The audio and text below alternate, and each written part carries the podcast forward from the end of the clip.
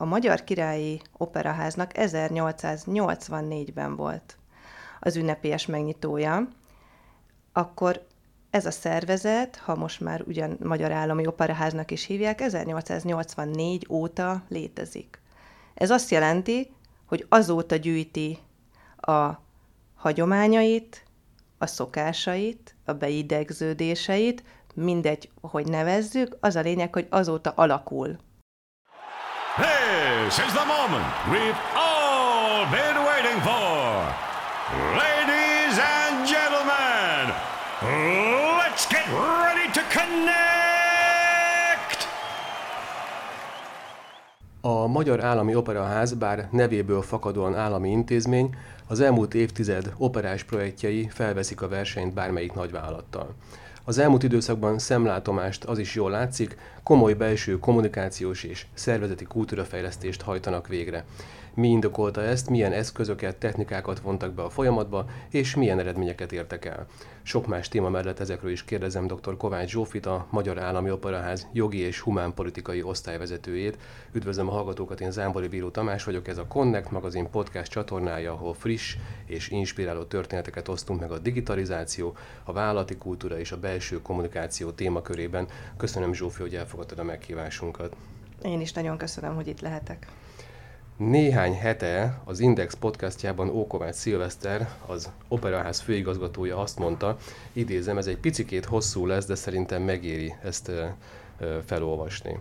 A Magyar Állami Operaház is egy nagy vállalat csoport jegyeit mutatja, hisz működtetünk zenekart, balettegyüttest, énekkart, gyermekkart, oktatunk balettnövendékeket, statisztaházatot tartunk fenn, több szakmában gyakorlati oktatási hely vagyunk, szervezünk előadásokat, gyártunk díszletet, jelmezt, kelléket, raktározunk, szállítmányozunk, vetítünk, világítunk, adminisztrálunk, értékesítünk, gyártatunk, boltokat tartunk fenn, tervezünk, karban tartunk, fejlesztünk, építkezünk, hirdetünk, szerkesztünk, ki kiadunk, archiválunk, műsorgyártunk, videografikákat készítünk, bérlünk és béreltetünk, protokollhelyszín vagyunk, hangfelvételeket rögzítünk, idegenvezetünk, őrzünk, védünk, takarítunk, kertet gondozunk, büféztetünk és éttermet működtetünk, darabot rendelünk, kottát gyártunk, előadást monitorozunk, közhasznú ismeretterjesztő rendszert tartunk fenn, szociális hálózatot finanszírozunk, három zenekar, három énekkar, legalább három együttesnyi balettársulat, gyermekkar, balettintézet, szakképzőhely, szervezőiroda, díszletüzem, kellékműhely, varroda,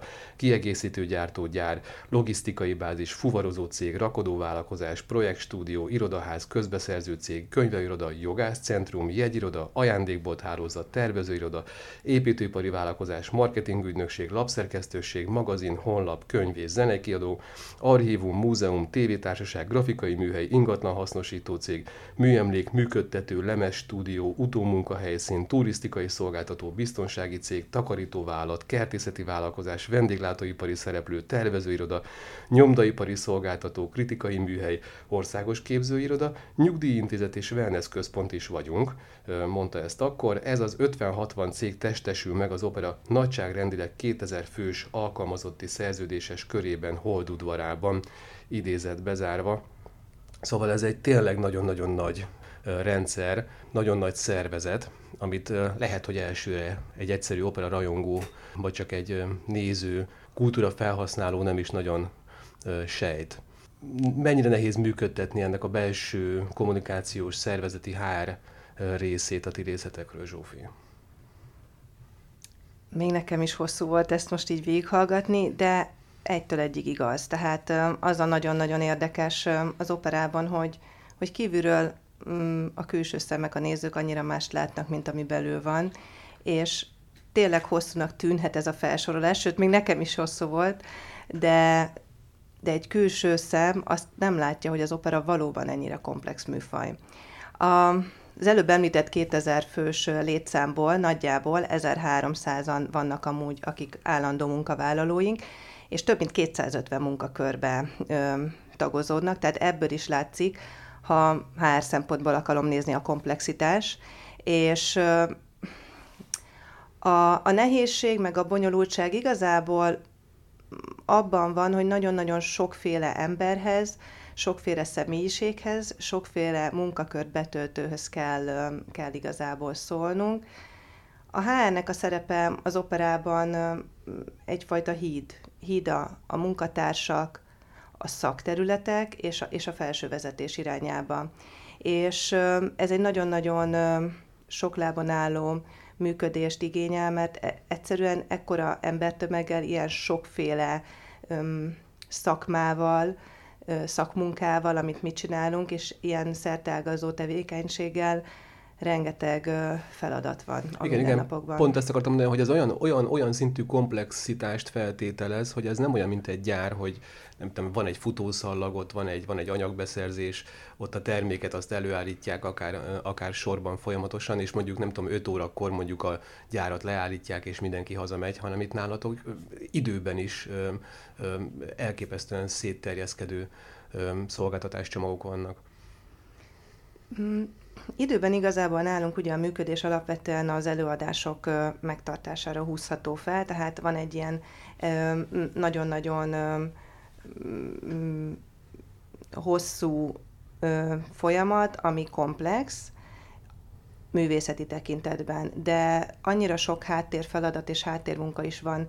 Egyrészt az előadásokkal, másrészt a, a csak a létesítményüzemeltetést nézem, két óriási épületnek a fenntartásával, hogy, hogy egyszerűen nem tudunk egyfelé koncentrálni. Ez, ez alapvetően a, szerintem a színházi működésben, meg a, az opera életében is ez egy nagyon-nagyon nehéz feladat, és pont ezért is kell nekünk Okovács Szilveszternek az előbbi felsorolását megtámogatnunk, egyrészt emberi oldalról összefogni, másrészt pedig szakmailag is oda tenni azokat a, az eszközöket vagy módszereket a vezetőknek, amikkel ők tudják megtalálni a közös hangot.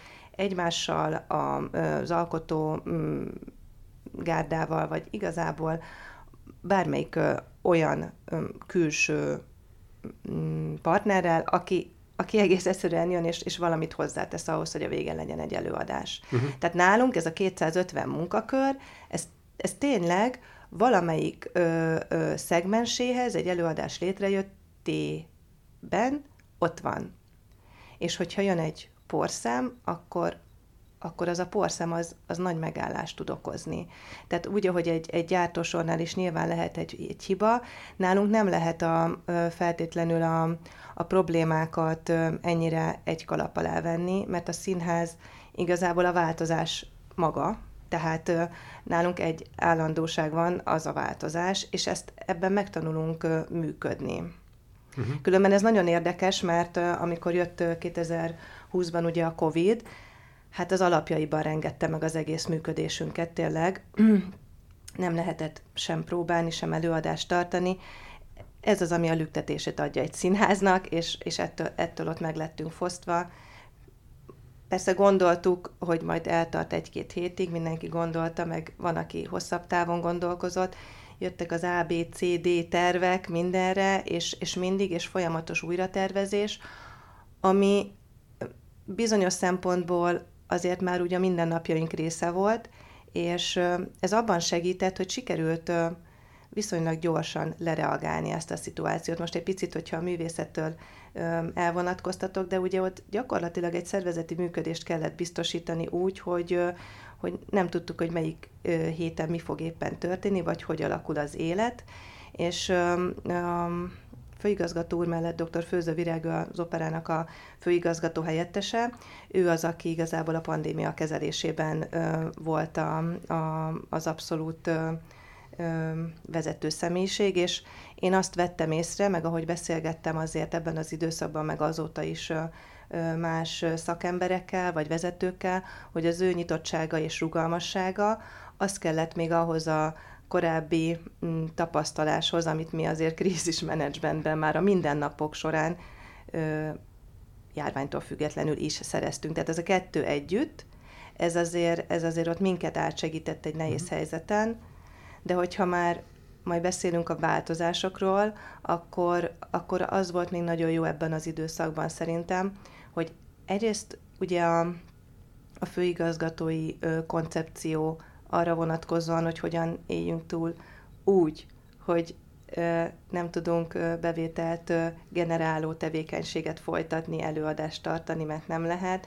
Ennek nyilván van egy hosszabb kihatása is, nem csak ez a rövidebb távon nézett négy és fél hónapos lezárás, mm, de hogy, hogy ott is a, a túlélés mellett a lehetőséget kerestük. Tehát a, a krízisben a lehetőséget megtalálni, és, és szervezeti oldalról ezzel párhuzamosan pedig gyakorlatilag ez a, mondjuk úgy, hogy egy, ez a külső tényező, amire nem volt ráhatásunk, mint pandémia, ez oda irányította a figyelmet, amire addig igazából nem volt, és nem megijedtünk, megijedtünk, de persze megijedtünk, mindenki megijed, viszonylag hamar megráztuk magunkat, és, és mentünk tovább, és, és gondoltuk ki, hogy akkor hogyan lehet megtalálni itt a, a, a rosszban a, a legjobbat. Ez tulajdonképpen akkor, ha jól értelmezem, akkor ez a rugalmasság, a szervezeti rugalmasság az, ami számotokra itt a pandémia kapcsán egy ilyen pozitív csomagot adott a folytatásra. Ezt akkor mai napig is érzékelhetően hatása van ennek a akkori krízis helyzetnek, akkori reakcióknak? Van, hát nem hatása, hanem igazából inkább következménye van, mert ebben az időszakban azért sok dolgot megtanultunk. Egyrészt megtanultuk mi, hogy hogy mi az, amiben azért föl kell zárkoznunk, és mi az, ami, ami tényleg lehet, hogy eddig halogatott területek voltak, de most igenis eljött az idő, mert máshogy nem fog menni a működés. Ekkor ugye, mint mindenki más is, kísérleteztünk a home office-szal, és a kísérletezés szót azt azért is emelném ki, mert öm, én azt megfigyeltem, hogy, hogy sokszor, öm, sokszor félnek a kísérletezéstől, de ezt most már ugye agilis működésnek is öm, hívják, öm, de hogy ez igazából annyiból áll, hogy megpróbálunk valamit, és meglátjuk ugye, hogy működik-e, és mivel egy olyan helyzet volt, ami előtte a szervezetben nem volt, és hogyha az 1200 főre vissza mm, kanyarodok, abból nagyjából egy olyan 200 fő, most már szerintem kicsit többen is vannak, akik az administratív munkakörben dolgozók, tehát egy jó 200 fős működést ö, volt az, ami minden más szervezetnél is ott van, és ö, esetleg a leginkább működtethető home munkavégzésben.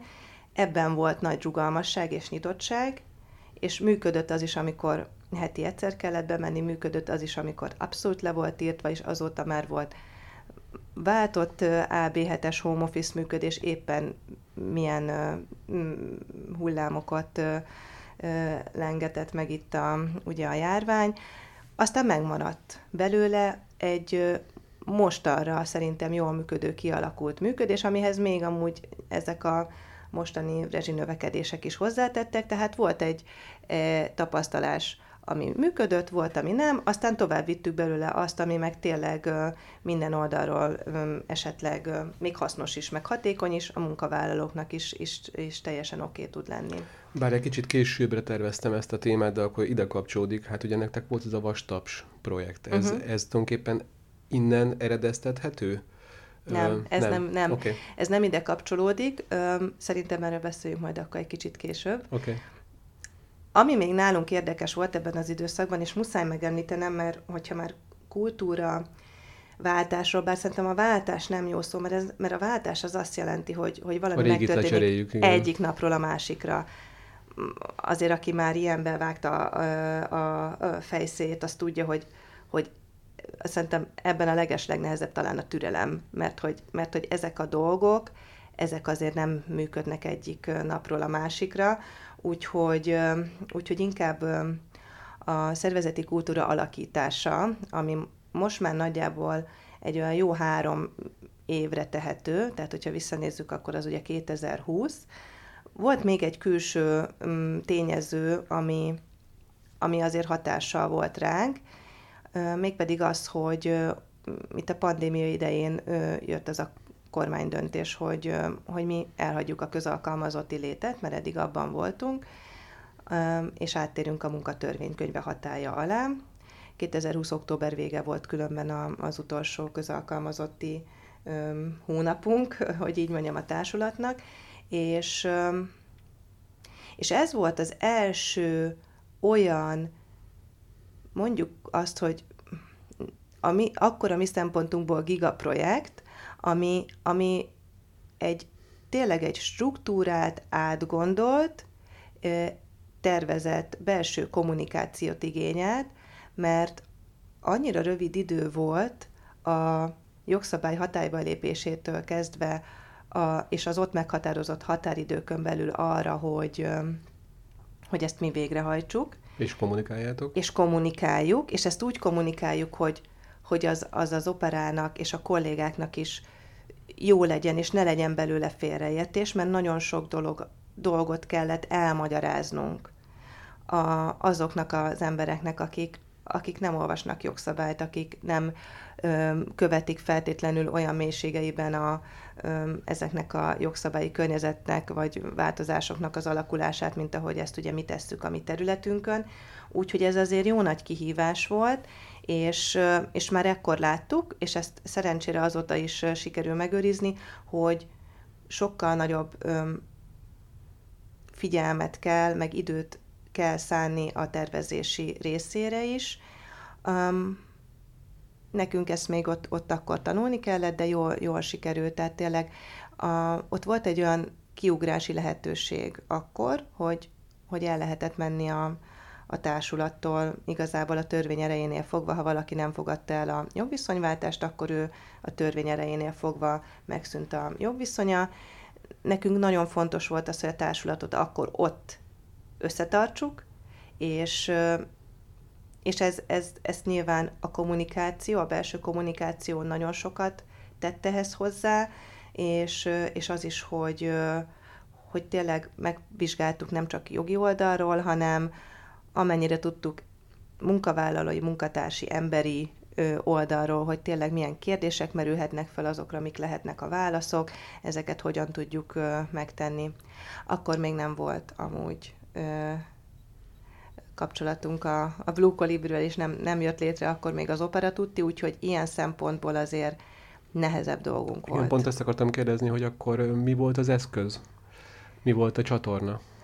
Egyébként a contentről is még eszembe jutott az, hogy a jogászcsádban nőttem föl, és emlékszem, hogy, hogy apukámmal is rengeteget beszélgetünk arról, hogy a jogi nyelvezetet hogyan lehet lefordítani. Ó, hát ez egy külön és, kihívás és nálunk, érthetővé igen. tenni a munkavállalók számára, igen. mert egyébként tényleg, hogyha most nem értik, nyilván ez nem probléma, Viszont nem. az, hogyha saját maga talál ki bármit, vagy akár csak beindulnak a plegykák, az is egy eléggé nehezítő folyamat.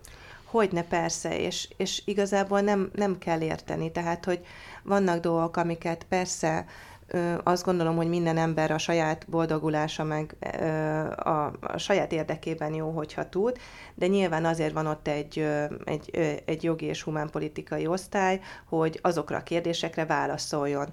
De nálunk 2020 előtt alapvetően nem volt egy ilyen jellegű belső kommunikáció, tehát nem volt a, a fejekben az, hogy, feltétlenül minden esetben, hogy, hogy, hogy lehet jönni vagy megkérdezni, ez most, most alakulóban van, és én most amennyire érzékelem, azért többen jönnek és kérdeznek, ami akkor különben mm, nagy felismerés volt még ebben az időszakban, hogy akkor még 2020-ban, amikor ezt nekünk kommunikálni kellett, visszakanyarodva a kérdésedhez, akkor még, még az e-mail címekkel is úgy voltunk, hogy leginkább azoknak volt, akik, akiknek a munkavégzésükhöz kellett. De ugye alapvetően azért a művészeti munkakörökben nem szükséges eszköz, se egy laptop, se az, hogy nézzük ugye azt, hogy milyen e-mail érkezik, úgyhogy ott még azért eléggé a klasszikus a szakterületeknek használtuk igazából a kommunikációs csatornáit, mert hogy az már régóta működése a háznak, és ez, ez egy szerintem egy nagyon jól működő szervezeti felépítés, hogy a énekkar, balett kar meg a zenekar, ugye a három nagy művészeti területet nézve, van nekik egy külön titkárságuk, és ott is vannak kollégák, kolléginák, akik, akik segítik ezeket a munkavállalókat azokban a kérdésekben, amik nekik annyira nem komfortosak, és nagyon sokszor nem mi vagyunk az út, hanem mi csak, mi csak összekötünk információt, mondjuk, ami föntről jön a szakterületekhez, és a szakterület találja meg leginkább a módját annak, hogy mondjuk egy ö, hivatalosabbnak tűnő szöveget, vagy ö, feladatot, vagy ö, nem tudom, adatszolgáltatást, vagy intézkedést, azt hogyan érdemes tovább kommunikálni. Hm.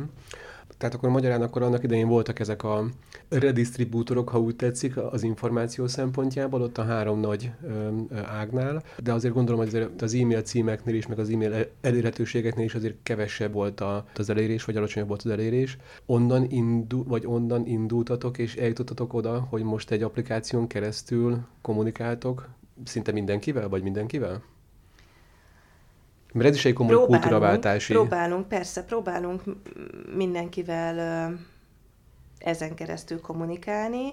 Mm, mi most még, még azért öm, öm, friss tagjai vagyunk ennek a, a csapatnak, én azt gondolom, mármint a vagy közösségnek, inkább úgy mondom a Blue Colibri közösségnek, és nálunk még azért tesztelés alatt vannak a különböző funkciók, hogy mi az, ami jobban izgatja a népet, mi az, ami kevésbé, tehát hogy mi ezeket most még szépen így alakítgatjuk, meg, meg saját magunk is tanuljuk, de mm, ez azért nagyon sok lépcsőn keresztül jutottunk el oda, hogy, hogy, hogy az applikáció egy jó eszköz lehet. Ha egy picit visszakanyarodok az 1300 főhöz, arról még nem esett szó, hogy hogy ez az 1300 fő, ez széttagoltan is végzi a munkáját, mert hogy ott van az Ibőpalota az Andrási úton, de van nekünk a Kőbányai úton egy Eiffel műhelyházunk, ami ö, egyben ö, gyártócentrum is, és ott vannak a, nagyon-nagyon sok kollégának ott van a, az állandó munkavégzési helye, és ezen felül, bár jelenleg ö, nincs nyitva, de van még az Erkel Színház, ami a, a, az operához, mint szervezethez tartozik. Tehát minimum kettő, de előfordulhat, hogy három hát nálunk játszóhely, másoknál telephelyé alakul az élet, úgyhogy nekünk azt is meg kell oldani, hogy hogyan jutnak el az információk.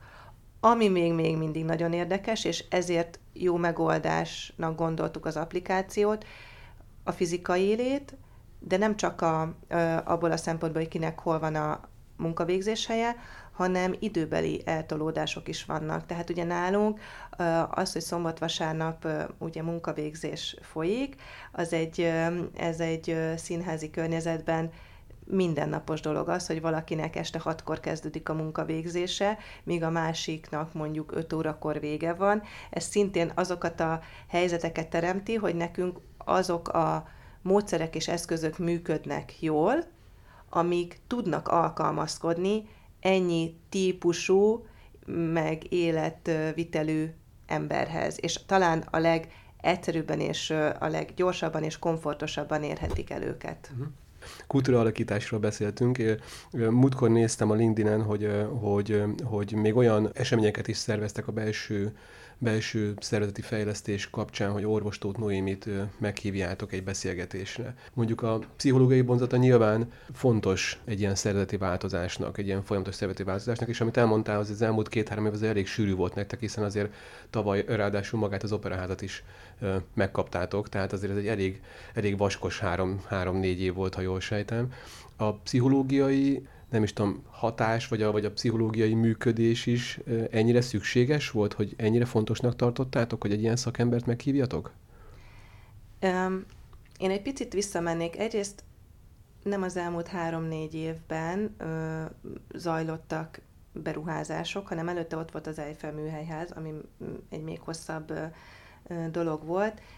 Az operaház megnyitása az, az valóban egy nagyon ö, nagyon fontos része volt mondjuk a tavalyi évnek, az előtte lévő évben pedig az Eiffel műhelyház átadása volt, úgyhogy, úgyhogy azért egy hosszabb olyan um, időszak van, amikor nagyon sok operás, de nem operás projekttel is foglalkoztunk, úgyhogy a bevezetőben, amit, amit mondtál, hogy fölvehetnénk a versenyt, én is azt érzem, hogy fölvehetnénk, mert, mert tényleg ott van az előadó művészet, mint fő tevékenység, és a kultúra közvetítése baletton, operán keresztül a legkisebbektől ugye a, az idősebb korosztályig, de hogy ahhoz, hogy, hogy ez, ez minőségi szinten is jól tudjon működni, ahhoz meg kellett és meg kell teremteni a körülményeket is. Úgyhogy ez, ez is zajlott párhuzamosan. Ez egy nagyon ö, ö, izgalmas és szerteágazó időszak volt. Ö, a szervezeti kultúra, és hogy hogyan, hogyan jutottunk el igazából ehhez a mm, bizonyos kerekasztal beszélgetéshez, amit említettél, hogy egy picit, picit szeretnék visszamenni, mert hogy, hogy ugye vannak, úgy veszem észre, ugye szervezetek, akik, mint ahogy mi is most már egy ideje, elkezdtek a szervezeti kultúrával foglalkozni. Vannak ugye nagyon úttörők ebben, akik ezt már, már sok-sok évvel ezelőtt felfedezték, de hogy ha beszélünk róla, ha nem, a szervezeti kultúra igazából mindenhol ott van. És ö, ö, Philip Zimbardónak volt egy olyan mondása, hogy a kultúra az egy társadalomnak a személyisége. Na most, hogyha analógiával élek, akkor a szervezeti kultúra meg egy szervezetnek a személyiségét jelenti, ami ugye, mint egy embernél is, adott, ott van. Persze, amikor még fiatalabb valaki, akkor jobban forrálható, akkor még befogadóbb is lehet akár, és, és tényleg jobban vihető egyik-másik irányba, de ugye, hogy mi is öregszünk, és, és a személyiségjegyeink változnak, gazdagodnak, bizonyosak lehet, hogy kiesnek, ugye hatással van ránk minden, ugyanúgy egy szervezetre is. És a, a Magyar Királyi Operaháznak 1884-ben volt az ünnepélyes megnyitója, akkor ez a szervezet, ha most már ugyan Magyar Állami Operaháznak is hívják, 1884 óta létezik. Ez azt jelenti, hogy azóta gyűjti a hagyományait, a szokásait, a beidegződéseit, mindegy, hogy nevezzük, az a lényeg, hogy azóta alakul. És egyrészt nyilván van egy olyan, mint minden szakterületnek, van egy olyan párhuzamossága, ami a, a, a, a saját szférájában viszi előre nálunk, ugye ez, ez a színházi világ változása, de van neki ö, alapvetően egy teljesen önálló identitás, amiben ő változik és fejlődik. És ö, azért nehéz, azért ö, kihívás, inkább így mondom, nem is az, hogy nehéz, a, a szervezeti kultúrán alakítani egy ilyen régi gyökerekre visszanyúló mm, szervezetben, mert, mert ugye rengeteg és hosszú időn át működő. Nem mondom, hogy jól vagy rosszul, mert minősíteni szerintem abszolút nem kell, csak valahogyan működő öm, folyamatokhoz kellene alakítani egy, egy, egy ekkora társulatnak a működését, mivel közben változik a világ, és, és az a felgyorsult lét, amiben benne vagyunk, az, az egyszerűen már nem tudja öm, nem tudja inkább úgy mondom, hogy az opera nem tudja utolérni ezt, hogyha ha ő nem, nem keresi meg azt, a, azt az utat, hogy ő alkalmazkodjon, mert a világ nem fog az operához alkalmazkodni, nyilván a, a szervezetnek kell, vagy az operának kell ugye a világhoz alkalmazkodnia. És pont ez egy ilyen nagyon-nagyon izgi ö, dolog szerintem nálunk, hogy, hogy, hogy így a, a, a jogi és a HR terület egyben, mert szerintem egy picit, na, tehát hogy vannak bizonyos részei, amik nem kapcsolódnak össze, de nálunk nagyon-nagyon jól megtaláltuk a, most már a szinergiát, hogy, hogy a, hol vannak azok a kapcsolódási pontok, amik intézményileg segítik ennek a két szakterületnek az egybenlétét, és és hogy hát az van, hogy a kollégákkal nekünk meg kell találnunk azt a rendkívül keskeny kis ösvényt, a hagyomány és az innováció között, amit a szervezet éppen abban, az adott pillanatban elbír.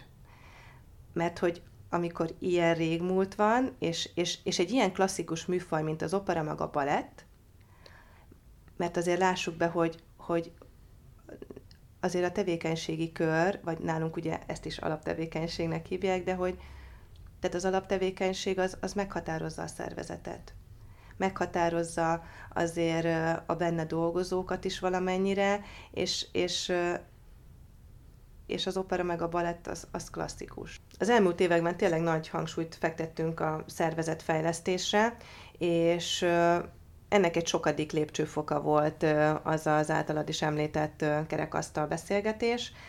Viszont az első és legfontosabb feladat, amikor mm, itt ebbe a folyamatba belekezdtünk, az az, az volt, hogy, hogy ugye a belső működési kereteket megtaláljuk, tehát jogi és munkajogi oldalról tegyük rendbe az alapokat. A, már beszéltünk róla, hogy, hogy azért a színházi világ az, az rugalmasságot igényel, tehát nem nagyon lehet azért nagyon ö, ö, szigorú szabályok közé beszorítani, viszont a másik oldalról, mivel ö, ugye az állami ö, szférában működünk, nekünk sokkal szigorúbb előírásokat kell bizonyos szempontból betartani. Úgyhogy ez egy nagyon ö, nagy kihívás volt, hogy ennek hogy induljunk neki. És ö, van nekem egy, ö, egy kedves kollégám, dr. Béres Attila, aki, akire mindig lehet számítani, ha, ha akad egy jó ötletem, és van nekem egy szuper kis képzésfejlesztéses csapatom, aki meg ö, megtalálja azt az eszközt, és együtt gondolkozik rajta, meg módszert, hogy hogyan tudjuk azt a célt elérni. Ebből az együttállásból született meg gyakorlatilag az, hogy sikerült 45 nap alatt 30 szakterületnek a belső működését szabályozó ügyrendjét megcsinálnunk. És ehhez igazából arra volt szükség, hogy picit játékosítottuk ezt az egész folyamatot, Emellett amennyire tudtuk, transzparensé tettük, hogy miért van erre szükség, és hogyan van szükség, hogy fogja őket ez segíteni majd a későbbiekben. És utána meg nagyon jól, én azt gondolom, hogy megtaláltuk a, azt, a, azt a kommunikációt, hogy, hogy hogyan fog ez működni a velük való partnerségben. Tehát ez a, ez a partnerként tekintünk a más szakterületekre, vezetőkre, ez nagy hangsúlyt kap, vagy igyekszik hangsúlyt kapni a legtöbb ö, olyan ö, projektben, HR oldalról is, ahol, ahol helye van annak, hogy szakterületenkénti ö, különbségeket valahogyan egy platformra hozzuk. És hogy aki azért foglalkozott már belső szabályozással, vagy mondjuk compliance területen dolgozik, az, az azért tudja, hogy ez nem a vezetők kedvenc területe, viszont ez a szükséges rossz, amit meg kell csinálni. És, és összehoztuk, és mi adtuk az eszközt, meg adtuk az információt, de nem mi csináltuk, hanem az a közel 30, de inkább 35 vezető, meg helyettes, akik, akik ebben együttműködtek és közreműködtek. És amikor ezzel megvoltunk, akkor már, már tudtunk hangsúlyt fektetni arra, hogy erősítsük tovább ezek, ezt a vezetői együttműködést, és akkor jött a vezetőfejlesztés, aminek amúgy az egyik ö, ö, területe az ö, a beérkező igények alapján az kellett, hogy legyen, hogy egymást jobban meg tudják ismerni. És 22-ben ezen volt a hangsúly, hogy egy picit ismerjük meg egymást, ami picit furán hangzik, de hogyha ö, visszagondolunk a, a bevezetőben hallott jó hosszú felsorolásra, azért azért annyira nem, nem idegen, hogy mindent nem ismerhetünk, és nyilván vannak újabb vezetők, meg vannak régiek is, szóval, hogy ez azért, ez is egy jó nagy feladat, és egy nagyon-nagyon alap dolognak tűnik, de, de muszáj megtenni. És vezetői szemmel mutatták be egymásnak a saját területeiket. Aztán, amikor már ebben is láttuk a, a, a fejlődést, meg az igényt, és örültek neki, és egyre több olyan, olyan visszajelzés jött, hogy igen, de jó lenne néha arról beszélgetni, hogy, vagy vajon ö, hogyan tudnám megoldani azt, hogy, és most itt nem a delegálásról vagy irányításról, ilyen nagyon ö, sokszor hallott vezetői kompetenciákról ö, beszélek, mert nem erre gondoltak, hanem hogy szeretnék megérteni a munkatársak működését. Hogy szeretnék azt megérteni, hogy ők hogyan tudnak segíteni a munkatársan, és hogyan tudják az egész kis csapatukat vagy összetartani, vagy motiválni, vagy, vagy egész egyszerűen tényleg csak a, a nehéz időszakokat együtt túlélni, és akkor jött a bizalom, és akkor jött a csapattéma, és, és most jött el az ideje annak, hogy, hogy, hogy megtartsuk ezt a, ezt a kerekasztal beszélgetést, ahol orvostot Noémi Kovács Adél, és Robert Nóra is ott volt, illetve dr. Főzővirág az opera oldaláról képviselte itt a, a színházi világot, és egy érdekes, izgalmas beszélgetés volt, ami én azt gondolom, a visszajelzésekből legalábbis ez jött át nekünk, hogy új kapukat nyitott meg. Tehát most megint, megint azt érzem, hogy, hogy szintet léptünk, nem mindenki nyitott rá, de ezt is igazából el kell fogadni, mert ha a vezetőinket vesszük, akkor felső, közép és csoportvezetőink is vannak 70-en, most már több mint 70-en. Nyilván nem mindenki ö, nyitott ezekre a témákra, de azért nagyon sok olyan visszajelzés jött, ahol igen. Tehát mi azzal tudjuk a vezetőket is például kiszolgálni, hogy, hogy a lehető legsokszínűbbé tesszük a bemutatandó eszközöket, a módszereket, amiket alkalmazunk, hogy mindenki megtalálja benne azt, ami neki hozzá a legközelebb áll, és ami őt leginkább segíti a mindennapokban. Ez, ez jellemző az operára is. A, a diversifikáltság, nagyon sok emberhez kell szólni, nagyon sok típushoz, és nagyon sokféle feladatot kell megoldani, amiben nekünk segítséget kell nyújtani. Úgyhogy a, az opera hárosztályas az gyakorlatilag egyszer ilyen székbe ül, egyszer meg egy másikban. Azt feltételezem, hogy itt akár mondjuk a művészek attitűdjével kapcsolatosan például valamiféle fajta speciális, nem tudom én, kommunikációs rendszert kell bevezetni. Feltételezem, nem tudom, most kérdezem. Annyira, annyira érdekelne egy ilyen példa. Hogy itt a hagyomány hol jelenik meg, és itt az innováció hol A hagyomány meg. és az innováció, uh-huh. hogy tud találkozni? Aha, igen.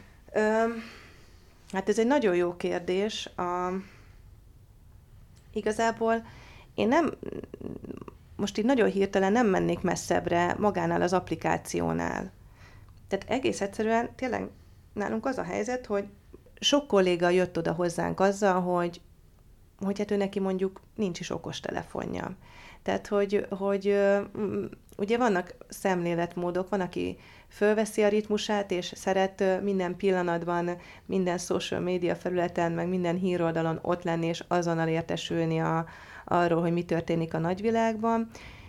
És, és azért ez a művész terület, ők, ők szeretnek maguk is lenni. Tehát, hogy nekik, nekik azért van egy olyan attitűdjük, és nem, nem a művészekre gondolok feltétlenül, hanem a művészet kedvelők is, és nálunk azért a kollégák nagy része, aki nem is a színpadon dolgozik, de azt érzékeljük meg tényleg az azért a tapasztalás, hogy, hogy sokan szeretik a művészetet, és vonzódnak a kultúra irányába is, azért vannak nálunk, hogy ezt tudják ugye támogatni.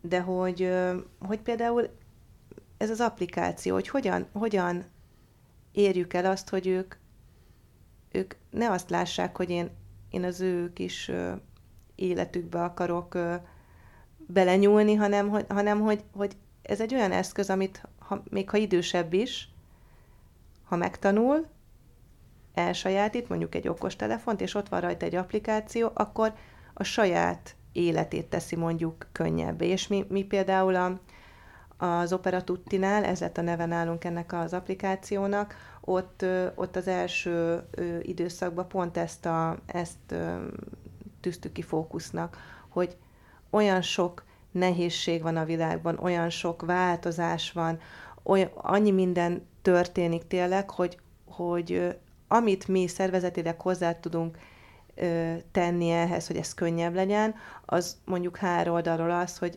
a, a teljes ügyintézésünket ö, elektronizáltuk. Az, hogy előtte, jaj, nem tudom, mikor tudok bemenni az irodára, mikor adom le, hú, most két próba között vagyok, most nem érek oda, jaj, én most a Eifelben dolgozom, de az operában kéne leadni, tehát hogy azért ugye sok-sok ilyen szituáció volt, és szerencsére azért ezekre érkeznek is visszajelzések, hogy, hogy, hogy tök jó, mert öt perc alatt meg vagyok vele bármikor, amikor nekem kényelmes, ott van a zsebembe, előveszem és csinálom gondolkozok majd, még lehet, hogy eszembe jut ilyen hagyomány és innováció, de ezt azért nehéz erre most nagyon, nagyon konkrét példát mondani, mert ugye ezek azokban a beszélgetésekben vannak ott, pro és kontra oldalról mindig, amikor készítünk elő egy, egy, egy projektet, amit be akarunk vezetni valami új dolgot.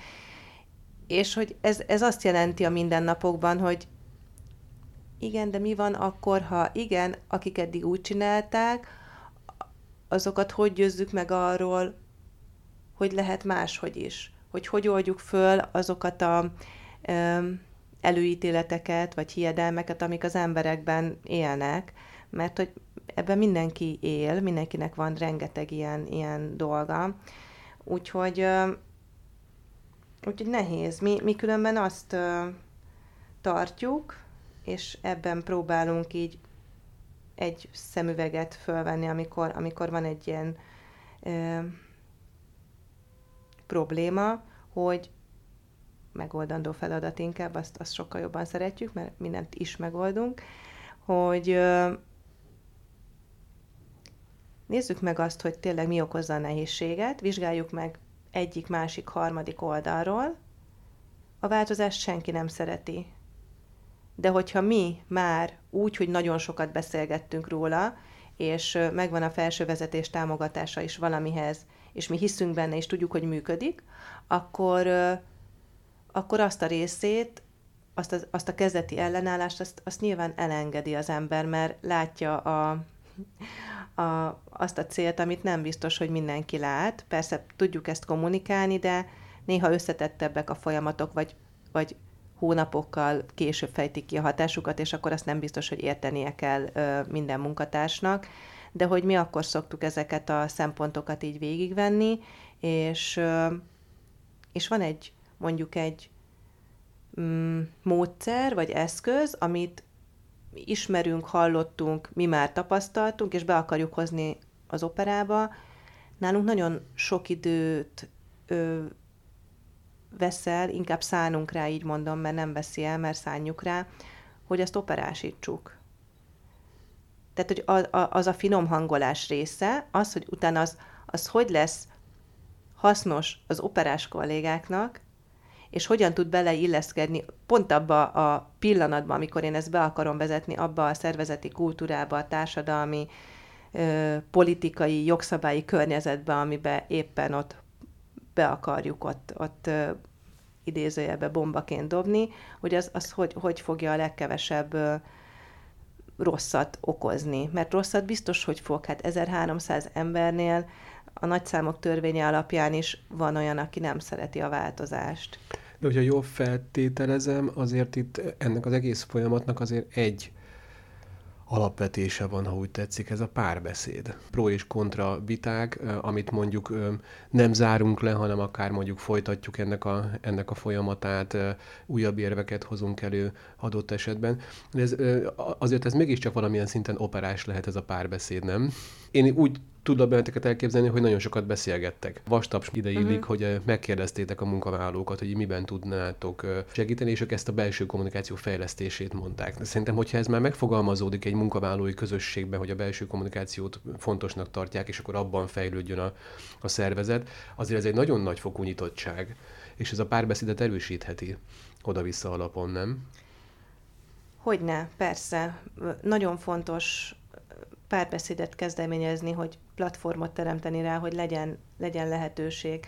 De az elején kevesen élnek vele, mert még, még nyilván bizalmatlanok azzal szemben, ami, ami igazából történik, és nem tudják, hogy mi lesz ennek a kimenetele, de szerintem ez is egy teljesen normális reakció, nem kellett egyáltalán megijedni. A, a vastaps különben pont ezért jött létre. 2021-ben és 2022-ben csináltuk eddig meg. A, szerettük volna a kollégák véleményét tudni, látni, hogy, hogy tényleg mondják el, hogy ők hogy látják az operát, mint a munkáltatójukat. Most ugye nem a közönségnek a véleményére voltunk kíváncsiak, hanem a saját kollégákéra, és nagyon tanulságos volt. A az első és a második év között már volt valamennyi um, ugrás is a, a kitöltési arányban, nem sok, tehát úgy nagyjából úgy ugyanannyi, de, de mi már ezt is sokra értékeljük. Tehát szerintem, aki, aki szervezeti kultúrának az átalakításába kezd, ott, ott nagyon hamar fel kell ismerni azt, hogy, hogy, hogy amik elsőre picinek tűnnek, vagy mondjuk egy üzleti gondolkodásban hát igen, ez csak nem tudom, egy százalékkal nőtt, vagy kettővel nőtt, vagy hárommal, vagy bármilyen más, amit, amit mérünk valamiben, az egy, az egy szervezeti kultúrában a legkisebb is óriási eredmény jelenthet. Mert, mert a pici, apró kis mm, kirakós darabokból állhat össze az a, az a cél, amit ugye szeretnénk vele elérni és hogy mi látjuk a kollégákban is azért a nyitottságot.